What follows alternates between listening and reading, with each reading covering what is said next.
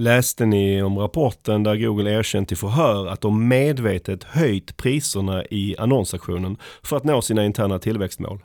Ja, helt sjukt faktiskt. Sen är man kanske inte helt överraskad ändå, men tänk om alla företag skulle kunna nå sina tillväxtmål på det här sättet.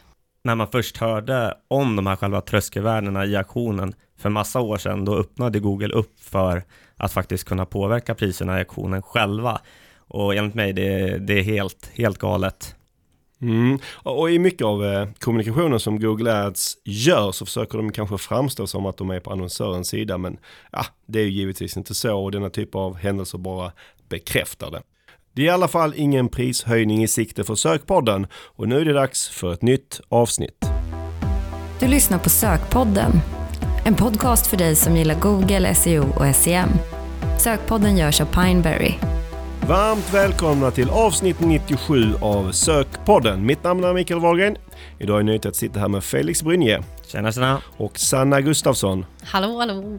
Idag bjuder vi precis som vanligt på tre ämnen. Vi ska prata Discovery Ads och Demand Gen. Vi ska prata SEO för publicister och så avslutar vi med Digital Service Act. Eh, hur är läget med er? Är det något speciellt spännande på gång denna veckan förutom att eh, vi spelar in Sökpodden? Eh, jo, men det är bra med mig faktiskt. Eh, det är fullt upp den här veckan. Det jag ser extra fram emot är kanske ett event som man eh, hålls av eh, YouTube på torsdag, så det ska, det ska bli riktigt spännande. Vad säger du Sanna? Jo, men jag mår bra. Eh, jag sitter med en ganska stor SEO-analys just nu och eh, som ska bli klar nu i veckan och det är precis i slutet känns det som, som man får ihop allt och eh, får liksom de bästa slutsatserna så att det känns alltid bäst när det precis är klart. Ja, jag känner verkligen igen mig i den beskrivningen av en SEO-analys. Och Sanna, det är ju första gången eh, du är med här i Sökpodden. Du kan väl berätta lite om eh, eh, vem du är? Ja, okej. Okay. Jag har ju tidigare jobbat som journalist, webbredaktör, digital strateg och så. Och då var jag mer specialiserad på webb och sociala medier. Men så kände jag att jag behövde bli mer kunnig inom SEO och eh, sökte mig till Pineberry för några år sedan. Vad är det som eh, du gillar så kanske lite extra med SEO just? Ja, jag tycker att det är kul att just på Google så är det så mycket från användarens eget initiativ. Alltså man vill verkligen leta efter någonting. På sociala medier kanske man mer scrollar och sen så kommer det något som man klickar på. Det är två ganska olika saker. Och eh, det, så, så jag tycker liksom sökintention är väldigt spännande. Och så tycker jag personligen att det är jättekul med trender, att försöka se vad folk googlar på i stort och vad man, hur man kan, liksom, vad man kan dra för slutsatser utifrån det. Mm. Kul att ha med dig i sökpodden Sanna. Eh, och innan vi kör igång dagens första ämne tänkte jag bara att vi väldigt kort skulle återkoppla till ett ämne som vi pratade om i förra avsnittet. Då pratade vi om Parasite SEO eller fästing SEO som eh, Fredrik myntade till.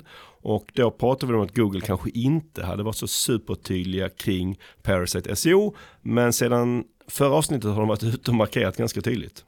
Ja, det tog ju inte så lång tid. Och det var som du säger en tydlig markering i deras guidelines gällande tredjepartsinnehåll och som då adresserar just Parasite SEO. Det är nästan som man tror att de faktiskt lyssnar på Sökpodden. Ja, vem vet. Och med det så är det hög tid för dagens första ämne. Idag ska vi börja att prata om Discovery Ads och Demand Gen i avsnitt 74 när vi hade Google Discover som ämne. Har jag för mig att vi lovade att prata om Discovery Ads längre fram och nu sådär knappt två år senare, då är vi där. Ja, men precis. Eh, och det är väl hög tid med tanke på att Discovery Ads snart försvinner och blir eh, Demand Gen. Mm, verkligen. Det är nu eller aldrig och eh, vi kommer återkomma just till övergången till Demand Gen. Men vi börjar med Discovery Ads eh, som det då fungerar idag. Vad tycker vi om det Felix?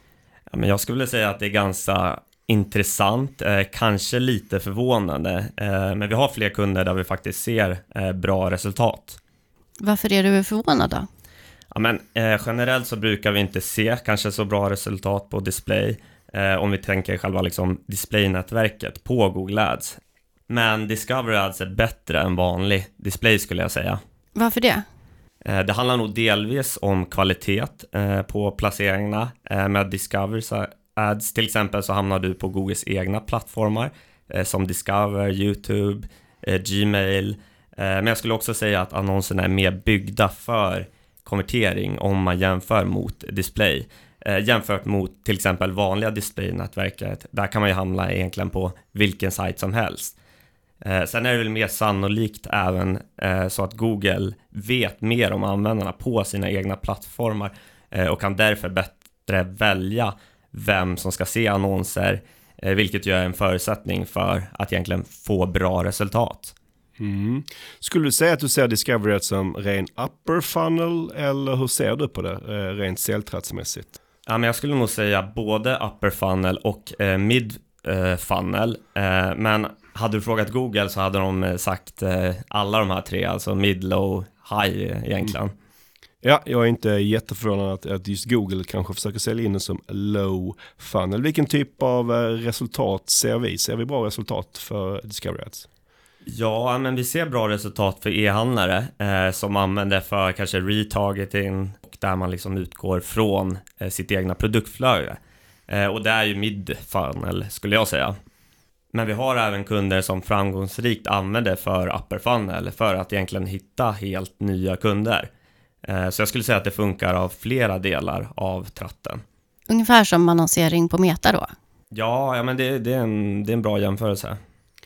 Hur är eh, prisnivån på Discovery Ads? Ja, men CPC-priset är väl väldigt likt display skulle jag säga. Eh, men sen konverterar det väldigt generellt bättre än display, även om volymen är ganska låg jämfört med kampanjer i söknätverket och shopping till exempel. I alla fall för B2C Eh, och e- e-handlare då. Så det du säger är kanske att Discovery Ads är ingenting för B2B? Ja, men det beror på lite vad syftet är egentligen. Eh, vill du till exempel att det ska ge konverteringar, ja men då kan det vara svårt med B2B, för deras tjänster är kanske inget man direkt eh, spontanköper. Men, men om man mer ser det som en upper funnel-kanal eh, och en ren branding-kanal, eh, ja men då kan det såklart vara intressant även för B2Bs. Ja, jag gillar ju att testa saker. Jag har ju såklart testat Discovery Ads för Pineberrys räkning. Så vi är ju B2B som alla känner till. Och då eh, tänkte jag så att eh, vi gjorde en liknelse här innan med social. Att det är ganska likt eh, att annonsera sociala medier. Och när vi gör sociala medier, det som funkar bra för oss är att annonsera för våra webinars. Så tänkte jag då testar jag samma sak på Discovery Ads. För jag, jag trodde som du var inne på Felix att mm, jag kommer nog inte kunna få så många offertförfrågningar direkt i Discovery Ads. Mm. Men det funkar faktiskt inte för oss. Eh, det gav inte alls bra resultat. Jag har inte helt gett upp, men så möjligt jag måste testa en gång till. Men det var inte lysande resultat för oss i alla fall. Hur mycket data hade du på de här kampanjerna? Vi hade ett par hundra klick, så det var ganska mycket och eh, vi har en ganska hög konverteringsgrad för våra webbinar normalt sett. Och i och med att jag kunde bencha dem och hur det går för oss i, social så kändes det som att mm, de här pengarna gör nog större nytta på Instagram eller någon annanstans just nu. Men jag, jag har inte helt gett upp, det är väl inte omöjligt att jag kommer att testa när det blir demand igen eh, lite längre fram. Vad skulle du säga Felix är viktigt för att lyckas med Discovery Ads? Ja, men som alltid när det gäller just display så är ju annonsmaterialet väldigt viktigt. Eh, men till exempel om du kör utifrån en feed, ja men då är det såklart enklare med materialet. Eh, men det blir ju viktigt oavsett egentligen. Eh, sen är ju mer första partsdata, form av kundlistor och så vidare, det är ju en enorm fördel skulle jag säga. Sen kanske man ska nämna också kring att eh, man kan ju optimera kampanjen mot olika typer av konverterings punkter för att egentligen driva rätt trafik. Men det är superviktigt att optimera då mot rätt konverteringar. Och i och med att Discovery Ads är något högre upp i tratten kanske det är mer relevant att styra eh, mot andra typer av konverteringspunkter än eh, rena kanske sälj eller offertförfrågningar för att just mata algoritmen med så mycket konverteringsdata som möjligt. Ja, men det skulle kunna till exempel vara att man optimerar mot nyhetsbrev eller en startadsatt, eh, någonting egentligen som är lite högre upp i själva tratten när det kommer till konverteringar. Ja, att man kanske siktar på någon form av mikrokonvertering för att få in datan. Det kan ju, för en e-handel så kanske det är att man har lagt det i, i, i kundkorgen istället för att det är ett faktiskt köp. Ja, men precis. Just för att liksom fortfarande driva relevant trafik och rätt trafik framför allt. Mm. Sen har vi redan varit inne på det här med att Discovery Ads ska försvinna till förmån för Demand Gen. Vad vet vi här? Eh, ja, men det vi vet egentligen är att från oktober, då blir ju Demand Gen tillgängligt för alla, men kommer fortfarande vara eh, på beta året ut, vad Google har sagt i alla fall. Eh, men redan nu och en, sedan en tid tillbaka egentligen så har man kunnat ansökt i, om att vara med i den här betan då. Eh, och vi har gjort det för vissa konton där vi faktiskt redan är igång med Demand Gen-kampanjer. Efter oktober kommer gradvis alla Discovery Ads-kampanjer automatiskt uppgraderas till Demand Gen eh, där eh, runt årsskiftet. Mm. Och vilka är då de stora skillnaderna mellan Discovery Ads och Demand Gen? Eh, jag skulle säga att kampanjen är ganska snarlik, eh, men det tillkommer några annonsytor som YouTube Shorts och InStream, eh, vilket också kan innebära att det inte längre bara kommer att vara bildannonser utan även lite video. Eh, sen kommer det bli bättre möjligheter att hitta lookalikes utifrån eh, första partsdatan som man eh, matar in i ens Google Ads-konto. Och så kommer det även gå att förhandsgranska hur annonserna kommer se ut i olika format och placeringar, eh, vilket annars är lite knivigt när det är Google som sätter ihop annonserna. Eh, sen sist men inte minst så kommer det även gå att köra Maximize klick, det vill säga optimera mot klick. Med Discover Ads har det bara till exempel gått att optimera mot eh, rena konverteringar. Och just det är faktiskt en sak jag gillar, för jag blev lite förvånad när jag använde Discover Ads första gången, för att jag ser det kanske felaktigt, men jag ser det som ganska mycket upper funnel. Och då vill jag kunna ha möjligheten att köra mot klick också, och inte bara mot konverteringar. Du var lite inne på det, men tycker du att det här är bra förändringar, eller handlar Demand Gen bara om att sminka grisen? Ja, så skulle man kunna uttrycka sig, men jag skulle kanske säga att det, det, det är tidigt att svara på. Men jag har läst att det är en del besvikna på eh, att det inte är eh, så betydande skillnader. Till exempel läste jag i en LinkedIn-tråd eh, där det var en del sämrävar eh, som var väldigt missnöjda. För det är inga revolutionerande nyheter direkt. Eh, med det sagt, Eh, vi tycker som sagt att Discovery Ads kan vara ett bra komplement till sökkampanjer i Google Ads och framförallt i fall eh, där man är mättad i söket och behöver ta nästa steg för att liksom försöka driva på volymen. Jag ser ingen anledning på förhand varför vi skulle gilla Demagen mindre. Mm, tack för det Felix. Eh, det får avsluta vårt snack om Discovery Ads och Demand Gen och så går vi vidare till nästa ämne. Nu ska vi prata om SEO för publicister. Detta är något som du brinner lite extra för Sanna. Varför det? Eh, nej, men när jag började fördjupa mig inom SEO här på Pineberry så märkte jag att ganska mycket av SEO-diskussionerna överlag utgår från e-handel. Ju. Och tidningar och publicister har ofta andra problem än e-handlare. Så mm, jag tycker att det känns viktigt att lyfta. Jag kan eh, verkligen instämma där att det känns som kanske SEO för publicister är en liten försummad del av SEO. Eh, jämfört i alla fall då med, med SEO för e-handlare. Vi har ju planerat det här ämnet utifrån att vi tänker ta upp ett antal punkter som är viktiga när man då gör SEO för eh, publicister. Och vissa av dessa punkter är kanske inte aktuella för andra eh, typer av sajter alls, medan andra kan vara relevanta för alla sajter men kanske är extra viktiga för just publicister. Precis, och vi kanske ska vara övertydliga här med att generella saker som att titeln är viktig inom SEO och så vidare, det gäller såklart även för publicister, men det kommer vi inte prata om idag. Mm. Och vi börjar med Google News. En gång i tiden behövde man ju ansöka om att få komma med där och jag kommer ihåg att jag var minst sagt lite stolt när vi blev godkända där med vår blogg då, sökmotorkonsult.se som den hette då. Men nu behövs det inte längre. Nej, precis. Det finns fortfarande vissa fördelar med att registrera sig i det här Publisher Center som det heter. Eh, du får en viss kontroll och data och så, men det är inte nödvändigt för att synas längre. Och jag tycker det är ett ganska bra steg att man inte behöver ansöka. För själva ansökningsförfarandet var ganska krångligt så det blev en tröskel för många, kanske lite mindre tidningar. Mm. Hur viktigt skulle du säga att Google News är för en publicist? För en digital tidning så finns det ju tre olika områden att synas på på Google. Det är det vanliga sökresultatet, Google News och Google Discover. Och det bästa är ju såklart att synas på alla de här ställena. Men om jag var en lite mindre tidning som skulle starta upp mitt SEO-arbete så skulle jag först satsa på sökresultatet, sen Google News och sen Google Discover. Så du tycker att Google News är viktigare än Discover som är lite hett?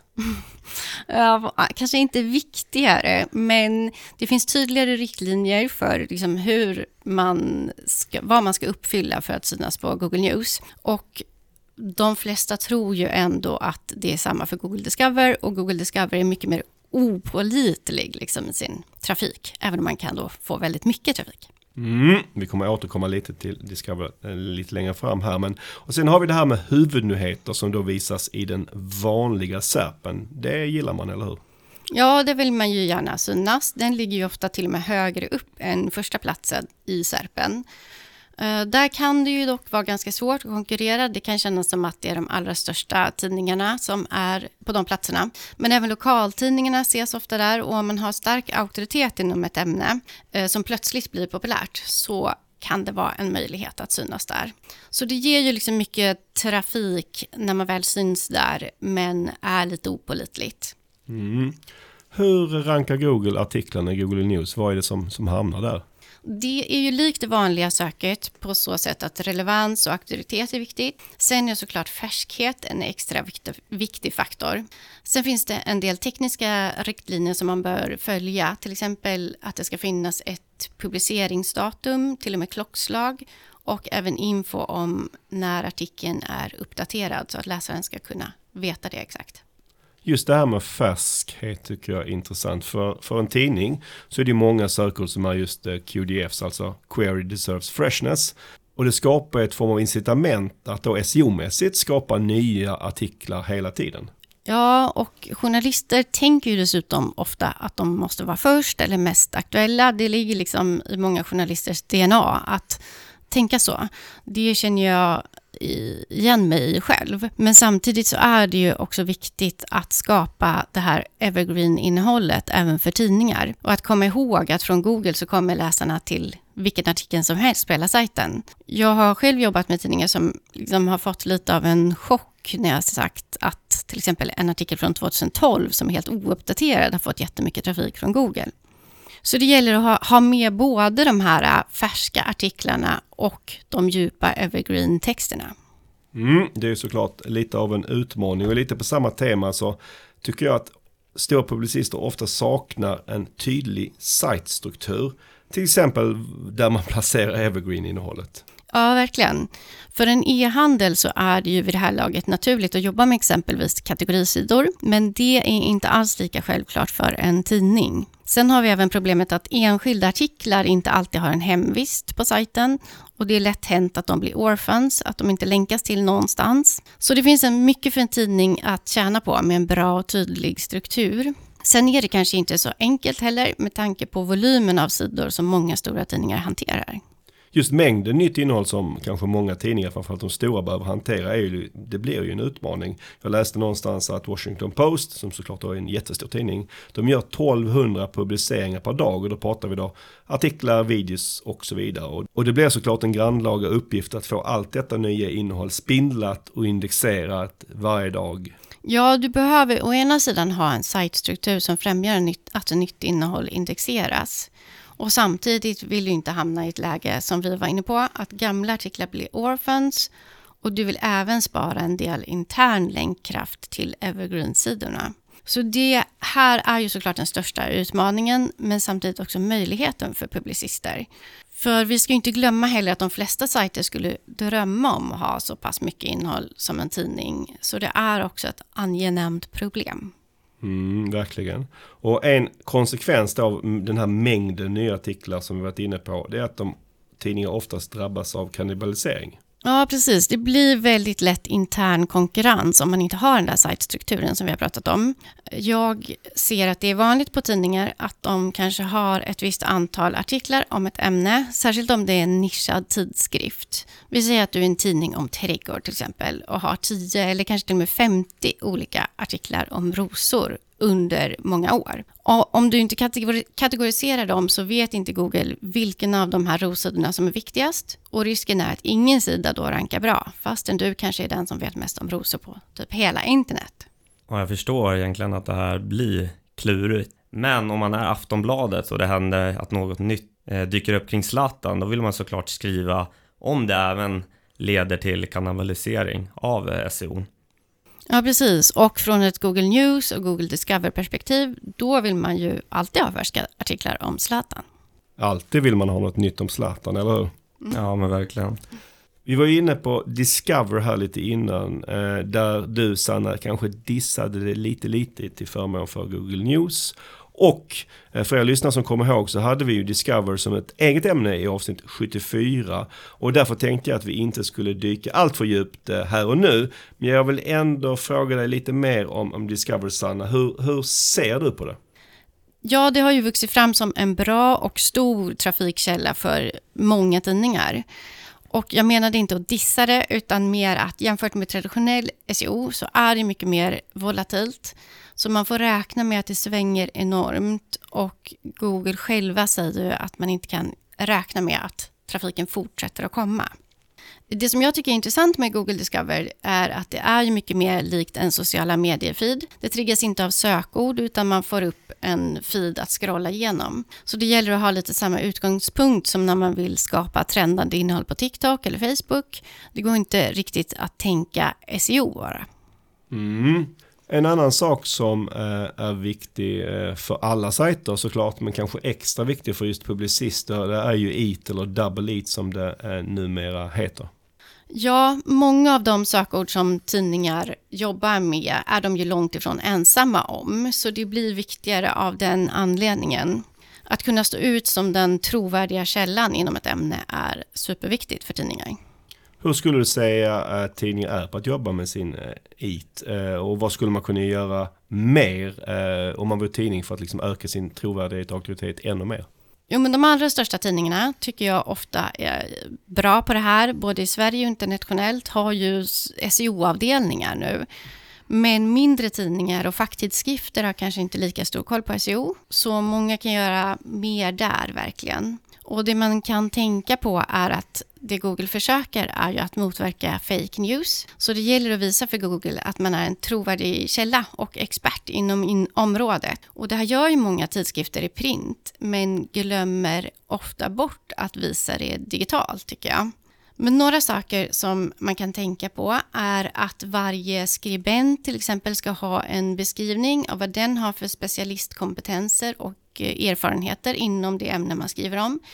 Ehm, man vill visa Google att det är en riktig person och inte en AI-skribent till exempel.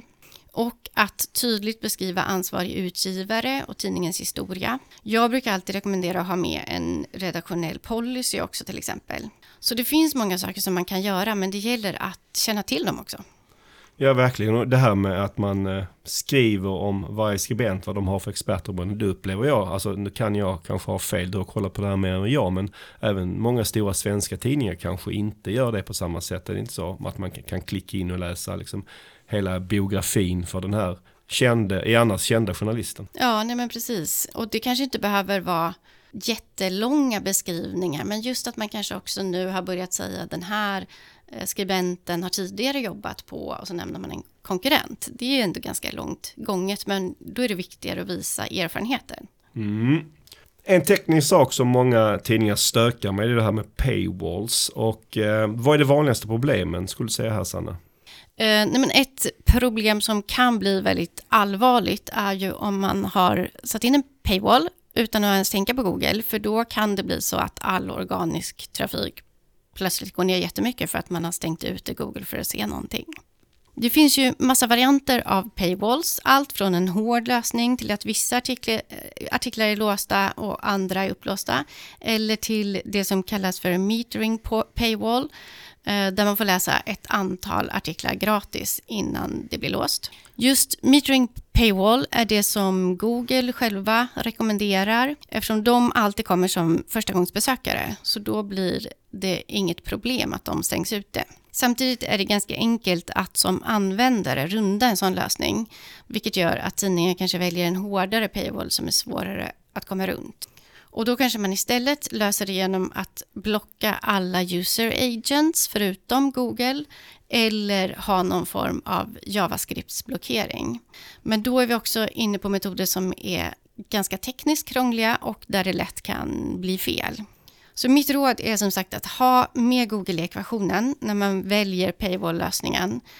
Och det upplever jag kanske inte alltid är fallet. Mm. Och så här avslutningsvis tänkte jag att vi skulle faktiskt släppa in AI i ekvationen. Det är väl nästan eh, eh, oundvikligt eh, som läget är just nu och superaktuellt för, för alla eh, tidningar. För å ena sidan så är det fler och fler publicister som börjat använda AI för att skriva sina artiklar. Men å andra sidan så är det fler och fler tidningar som blockerar AI-tjänster som till exempel ChatGPT från sitt innehåll. Ja, precis. Det, alltså det kan ju tyckas lite motstridigt. Ta Aftonbladet till exempel. De använder ju AI för att sammanfatta sina artiklar, men har också valt att blockera AI-tjänster. Samtidigt kan man också förstå de här tidningarna, för det är fortfarande väldigt oklart hur ChatGPT och SGE använder tidningarnas innehåll och om eller hur de refererar till det de har använt. Funderade på egentligen varför ska tidningarna bjuda på sitt innehåll om det inte liksom får någon trafik tillbaka? Eller finns det något annat värde i det? Nej men det är en jättebra eh, fråga. Det har ju varit massa diskussioner under, under många år. Det var väl en hetsk eh, diskussion nu i Kanada kring eh, om man skulle få betalt eh, eh för innehållet där. Var det Facebook som stängde ner tidningarna. Mm. Så den, på något sätt så vill ju tidningen alltid ha värde i form av trafik eller pengar. Och med, med ChatGPT och SGE så är det lite oklart hur de får någonting tillbaka. Så jag kan också förstå det. Men samtidigt blir det lite som att man vill använda AI för att få förbättringarna men man vill inte ha de försämringarna. Men så tänker väl kanske alla, alla företag. Och det kanske även går snabbare att skriva innehållet. Ja verkligen och det här med färskhet kan man ju också påskynda på något sätt eh, genom, inom AI såklart. Mm. Sanna, tror du att AI-innehåll kommer hjälpa eller skälpa tidningar? Ja, men det är ju svårt att veta än så länge tycker jag. Det är ju ingen hemlighet att tidningar kämpar med lönsamhet. Så precis som du säger Felix, att kunna skapa innehåll billigare och snabbare med AI kan kanske lösa en del av lönsamhetsproblemet. Eh, men sen är ju frågan just hur det påverkar intäktssidan. Det är redan svårt att få betalande prenumeranter och kommer folk vara beredda att betala för att läsa AI-innehåll. Tveksamt va? ja, det låter ju inte när man säger det så, så blir man inte så sugen liksom. Eh, men det går såklart också att tänka sig hybridvarianter där AI-innehåll kanske skapas mest i SEO-syfte, men att det är annat premium, premiuminnehåll som man sen får betala för. Jag tycker man ska tänka på de saker AI fortfarande inte kan göra också. ChatGPT kan inte åka ut och intervjua en person, fotografera, redaktöra eller faktagranska och där har journalisterna fortfarande en viktig uppgift. Vi får se helt enkelt hur det blir och där tänker jag att vi lämnar SEO för publicister för idag och går vidare till dagens sista ämne. Idag ska vi avsluta med ett snack om Digital Service Act. Eh, ni som lyssnade för avsnittet när vi pratade om Google Analytics kommer kanske ihåg att jag sa att vi inte är en juridikpodd. Och även om detta ämnet kanske antyder motsatsen så kommer vi prata om Digital Service Act från ett primärt marknadsföringsperspektiv och kanske då inte juridiskt. Men jag antar att det är ganska många av våra lyssnare som kanske inte är helt inspelade på vad Digital Service Act är för någonting. Eh, skulle ni kort kunna sammanfatta det för dem? Ja, men det är alltså en ny reglering på EU-nivå där delar redan har börjat gälla, men det kommer mer. Och vi kanske ska säga på en gång att det finns en systerförordning också som heter Digital Markets Act. Och poängen med de här två förordningarna är förenklat att göra det säkrare för oss konsumenter när det gäller digitala tjänster. Exempelvis att minska risker, risken för bedrägeri, desinformation och även begränsa hur innehåll får riktas mot användare.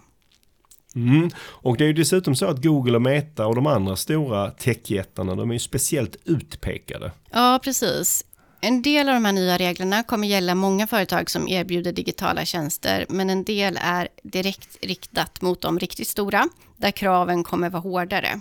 EU har definierat det som digitala tjänster som har minst 45 miljoner användare per månad, så det är ganska mycket. De kallar det Very Large Online Platforms och Very Large Online Search Engines. Och totalt har EU definierat då 19 bolag som hamnar i någon av dessa två kategorier. Google och Bing är de enda två sökmotorerna och sen bland plattformarna så är det såklart Meta, Amazon, YouTube, TikTok och så vidare. Mm. Finns det några EU-baserade företag som är med på den här listan eller är det bara amerikanska? Vad jag har sett så är det bara Zalando som är eh, europeiskt. Mm. Om vi då håller oss till eh, Google, Meta, TikTok, Amazon och så vidare som då kanske är mest intressanta för oss här i sökpodden. Vad blir konsekvensen för de här företagen om de bryter mot de här nya reglerna? De kan då dömas till böter på upp till 6% av sitt eh, företags årliga globala omsättning. Så det är ett saftigt potentiellt straff. Och som jämförelse så är motsvarande siffra för böter för GDPR 4% av omsättningen. Och den har ju använts en hel del i avskräckande syfte. Mm, verkligen. Sen har vi såklart ingen aning om hur sannolikt det är att någon döms i maxbeloppet eller vad som krävs för att det ska gå så illa. Mm. Eh, och hur eh, ser techjättarna på det här? Viftar de bort det eller tar de det på allvar?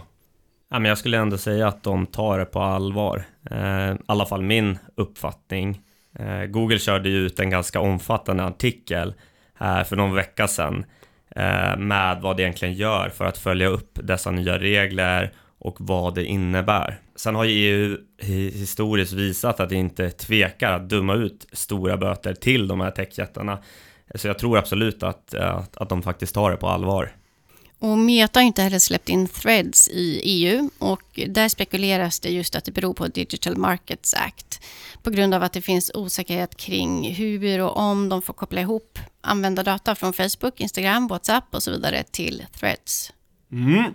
Och nu till den kanske mest intressanta frågan här för oss i sökborden. Det är hur kommer Digital Service Act påverka den digitala marknadsföringen? Ja, men det är svårt egentligen att ha Eh, hela bilden över det nu. Eh, men några saker som jag tänkte på att det garanterat kommer påverkas är hur det går att rikta annonser. Eh, förlagen har egentligen flera begränsningar i hur, när och var användaren egentligen får spåras i annonseringssyften. Och även hur plattformarna får samla in data och rikta de här annonserna. Det låter inte sådär jättekul om man är marknadsförare. Är det här ett nytt iOS 14 som vi ser? Där skulle jag väl kanske säga ja. Eh, det är svårt att förstå hur dessa begränsningar kommer eh, ske i eh, praktiken. Så vi vet liksom ännu inte om eller hur mycket sämre det blir när det gäller inriktning. Sen uppfattar jag det som, som att för iOS 14 till exempel, där var ett stort fokus själva spårningen till konverteringen som därmed försämrades. Här är det kanske mer just inriktningsmöjligheterna för själva annonseringen som är i fokus. Men det är som sagt väldigt svårt att veta skulle jag säga. Mm. Och Felix, vad skulle du säga? Vad kan man som annonsör göra för att då minska den här eventuella påverkan av de här eh, nya reglerna? Ja, det kanske blir ett eh, standardsvar där, men som i alla andra liknande situationer ju mer förstapartsdata du har, desto bättre kommer du kunna styra din marknadsföring. Eh, dels själv, eh, dels genom att hjälpa plattformarna på traven i den utsträckning det tillåts. Okej, eh, så de här två förordningarna ska göra det säkrare för EU-medborgarna.